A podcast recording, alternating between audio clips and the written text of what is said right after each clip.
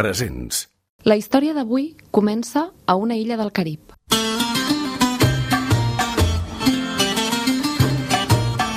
El meu avi era un home molt emprenedor i d'aquell d'aquell cicle, calcula tu, estem parlant, jo tinc ara 90 anys, calcula tu, eh, per parlar del meu avi. Qui parla és la Glòria Sánchez Amat, que als seus 90 anys té una memòria lucidíssima. I recorda com fa uns 130 anys, cap al 1890, el seu avi, va decidir anar-se'n a córrer aventures, a fer, a fer fortuna, no a córrer aventures, a fer fortuna a, a Cuba, que llavors era la moda, diguéssim, no? Amb la industrialització, al llarg del segle XIX, molts catalans van emigrar a Cuba, a muntar-hi negocis. L'avi de la Glòria tenia una empresa de conserves i allà, a l'Havana, va néixer la seva mare, la Narcisa. Era molt, molt maca, la meva mare era una tia molt xula. La mare de la Glòria només va viure a l'illa fins als 7 anys, fins al 1923, però sempre més va ser la cubana. I aquest va ser el nom del bar que van obrir amb el seu marit durant la Segona República al barri de la Torrassa, a l'Hospitalet. I, i, bueno, i ella era cubana i, i, i li van posar la cubana perquè era el bar d'una cubana. Aquell bar, a la cubana, és on hi van créixer la Glòria, el seu germà i la seva germana, la Magda, que era un any i mig més petita que ella. Posàvem discos i la gent ballava al carrer, i es ballava passodobles, es, es ballava moltes coses. Després venia molt la música també de la part tropical. Però la vida va canviar molt ràpid per la Glòria i la Magda. El 1936 va capgirar-ho tot. Recordo que em vaig aixecar i li dic, mama, que tinc que anar a l'església. Diu, calla, no, no parlis, no parlis l'església que està cremant-la. I però que, diu que s'ha declarat la guerra. Presents.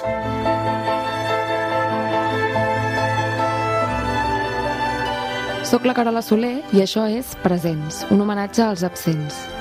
Un recorregut per les vides dels que ens han deixat a causa del coronavirus. Avui, el record i el tribut és per la Magda Sánchez Amat, nascuda fa 89 anys, al 1931, a Barcelona.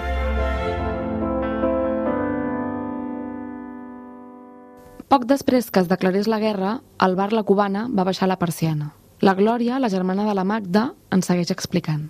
I aquests tres anys doncs, vam tenir que tenir el bar tancat i guanyant la vida com, com podíem. Es van acabar en sec la música i el ball. Com la recordes tu, la guerra? Ens ho vam passar bastant malament.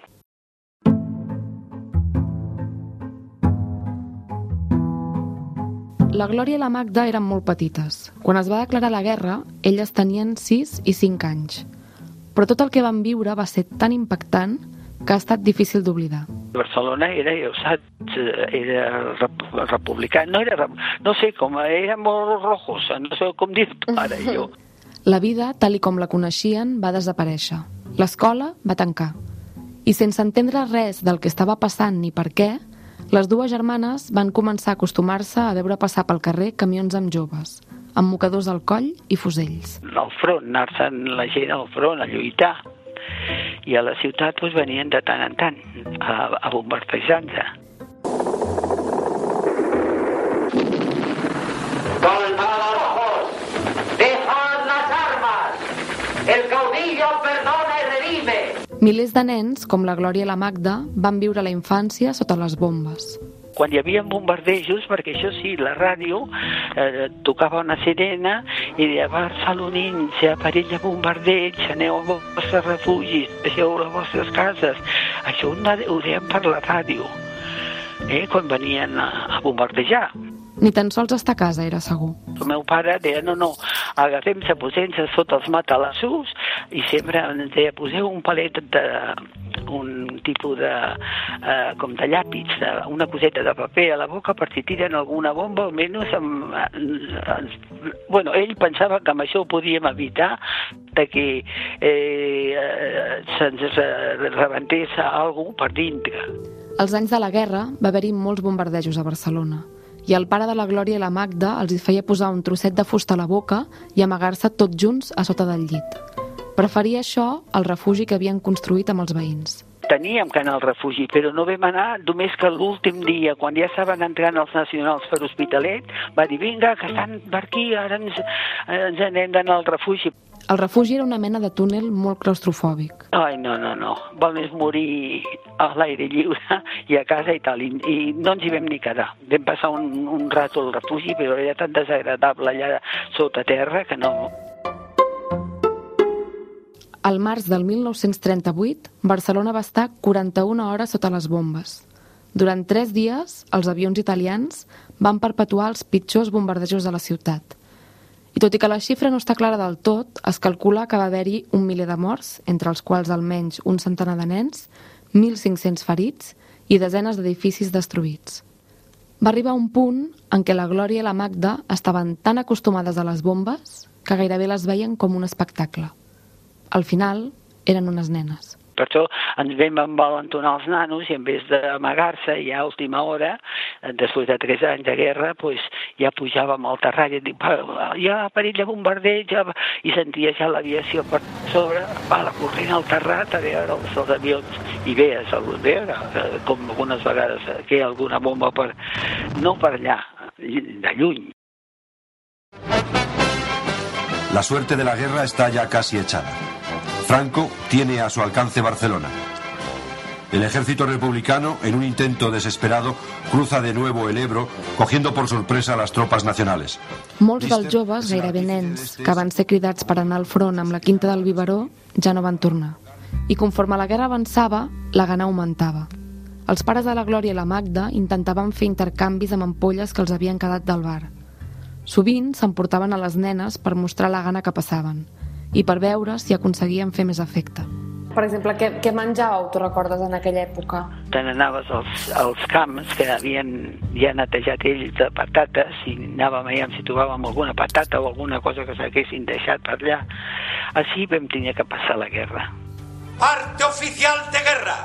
En el día de hoy, cautivo y desarmado el ejército rojo, han alcanzado las tropas nacionales sus últimos objetivos militares. La guerra ha terminado. La guerra havia acabat, però no la misèria, ni els problemes. A casa la Glòria i la Magda no ho van tenir fàcil. Van tornar a obrir el bar, la cubana, però ja no era el mateix. Els hi portaven molts mals de cap amb la policia del règim. Un dia se li va pujar un d'aquests, de dir que, bueno, d'aquests tipus que són matons, així, va pujar sobre la taula, que va, em va agafar l'escut i el va trencar. Uh, i va dir, mañana quiero aquí ver el escudo de mm, la, la cara de Franco y de José Antonio aquí. I enmig de les dificultats familiars de la postguerra, les dues germanes van fer una cosa que a la Magda li va pesar tota la vida. Bueno, pues eh, eh, vam anar a la falange, apuntant-se, dic, anem a la falange que donen un bocadillo. Tenien gana, i a la falange els hi donaven menjar i altres coses. Et donaven classes d'infermera i et donaven eh, classes eh, d'escriure, de llegir, de eh, gramàtica. Hi havia alguna cosa estudiar. que s'hagués de fer, el que deies igual abans tu de- d'això d'aixecar la mà o de recitar, no sé, can, cantar l'himne o el que sigui? Bueno, això sí, això va ser, però això va ser molt els primers dies, eh? Això només van ser els primers eh, mesos. La Glòria diu que no li semblava tan malament el que feien a la falange, però a la seva germana, a la Magda, sí. La Magda era mm, una mica, no una mica, sinó bastant al revés llavors amb mi.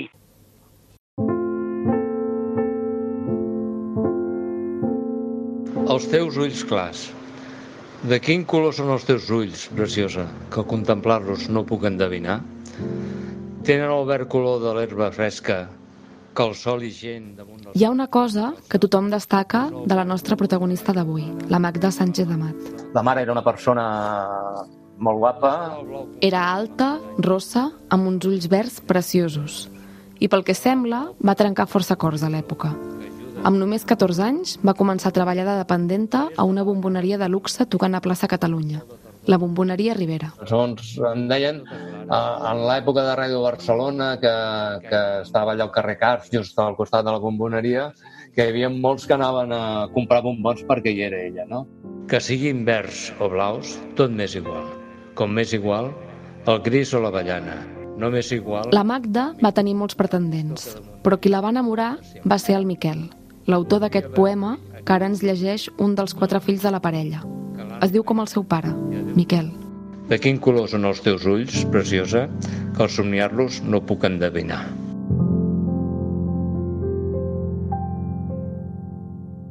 La Magda va conèixer el Miquel amb uns 20 anys i s'hi va casar el 1955. El Miquel era un comerciant d'olis industrials de Ribes de Freser, molt dolç, però amb les idees polítiques molt clares. El pare era una persona molt, molt catalanista, una persona que abans de casar-se havia participat a, a partits polítics eh, fora de, de l'oposició. Era del Front Nacional de Catalunya, un partit antifranquista nascut el 1940 i d'alguna forma precursor de l'independentisme. Eh, havia arribat a tenir pistola. Eh? Vull dir, ja t'ho dic, que jo no sé, vull dir, això està molt mal vist ara, no? Però en l'època de la dictadura no sé. Quan es van casar, la Magda va demanar-li al Miquel que deixés el partit. I ella també va fer el que deien els cànons de l'època, deixar de treballar i dedicar-se als seus fills, a la Magda, al Miquel, l'Elisenda i la Glòria. Ella era com, com si diguéssim, com, com una gata, no? Que, que, no, que qualsevol cosa, qualsevol perill que ella intuís uh, per, que podia perjudicar els fills, ella intervenia. A vegades, fins i tot, s'havia de vigilar que no intervingués massa. La Magda era una mare protectora, dedicada a la casa, però li encantava conèixer món i viatjar amb el seu marit a la Xina, a Turquia... Un cop van anar també a Cuba, a conèixer la família materna que encara hi quedava. Ser mestressa de casa no va impedir que fos una dona moderna. Vull dir que si els nets no estan batejats no li importa res, que si viuen en parella sense necessitat de passar pel, pel casament doncs eh, no tenien cap problema. I tot i que va haver de deixar l'escola molt aviat... Llegia, llegia moltíssim, era una, una, una gran lectora. L'educació era una cosa que l'obsessionava. La Magda i el Miquel volien que els seus fills poguessin escollir el seu futur sense cap límit. Precisament el que a ells se'ls hi havia negat. Ells eh, tot, tot el temps volien doncs, que, que els seus que fóssim estudiants, que fóssim bons estudiants. I la parella tenia clar que no volia que fos a les escoles del règim. Així que els van portar a un dels pocs centres catalans que hi havia a l'època, l'Escola Laietània. De fet, influïda pel Miquel, al llarg dels anys, la Magda es va tornar extremadament catalanista. Nosaltres a casa ho som tots, però diguéssim, jo sóc molt més tolerant que ho que era la meva mare, no? Al final, tots els fills van ser universitaris i amb els anys no només la van fer àvia, sinó també besàvia. Una cosa que la feia molt feliç. I ella, doncs, eh, esclar, tots els dies el veia, tots els dies li deien besàvia, i, esclar, i això per ella era una cosa excel·lent, no? La que sentirem ara és la Núria, una de les seves netes. I ha sigut un cop bastant dur també perquè ella estava molt bé, no... ha sigut quasi com si hagués tingut un accident. El coronavirus va ser fulminant amb la Magda va ser una sorpresa, perquè tot i que tenia 89 anys, estava estupenda. Aquest febrer va ser anar a Perpinyà amb la meva tieta, que hi havia la manifestació aquella. La manifestació independentista convocada per l'expresident Carles Puigdemont a França. Tot just el 29 de febrer. Fins l'últim moment, la Magda viatjava. Fa uns anys van a veure la Núria i la seva germana quan vivien a Edimburg i també a Boston. Clar, a mi em feia patir perquè són... eren 13 hores d'avió en total, perquè anaven a Londres i després a Boston. I, i a mi em feia patir que no ho aguantés bé i la meva àvia cada matí i cada tarda sortia a caminar un parell d'hores, s'entrenava, però abans de venir de viatge pues, sortia que al final caminava 4 hores per entrenar-se per poder venir a Boston, poder caminar, poder anar a Nova York i poder caminar. Des de que el seu marit, el Miquel, va morir el 2015... Ha intentat fer bastantes, bastantes coses aquests últims anys, però ella sempre deia això, que li faltava alguna cosa. La Magda Sánchez Amat va ingressar a la Clínica Tecnon de Barcelona el 21 de març i va morir tres dies després, el 26, de coronavirus. El seu fill, el Miquel, es va assabentar de la seva mort gairebé un mes després, quan el van despertar a la UCI. Ell també va estar lluitant entre la vida i la mort, intubat pel coronavirus.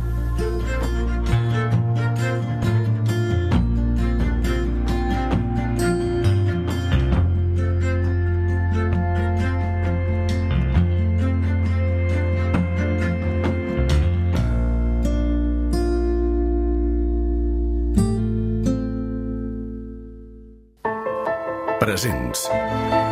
Un homenatge als absents és un podcast original de Catalunya Ràdio. Direcció, guió, producció i narració, Carola Soler. Muntatge tècnic, Matilde Seoane. Producció executiva, Albert Segura.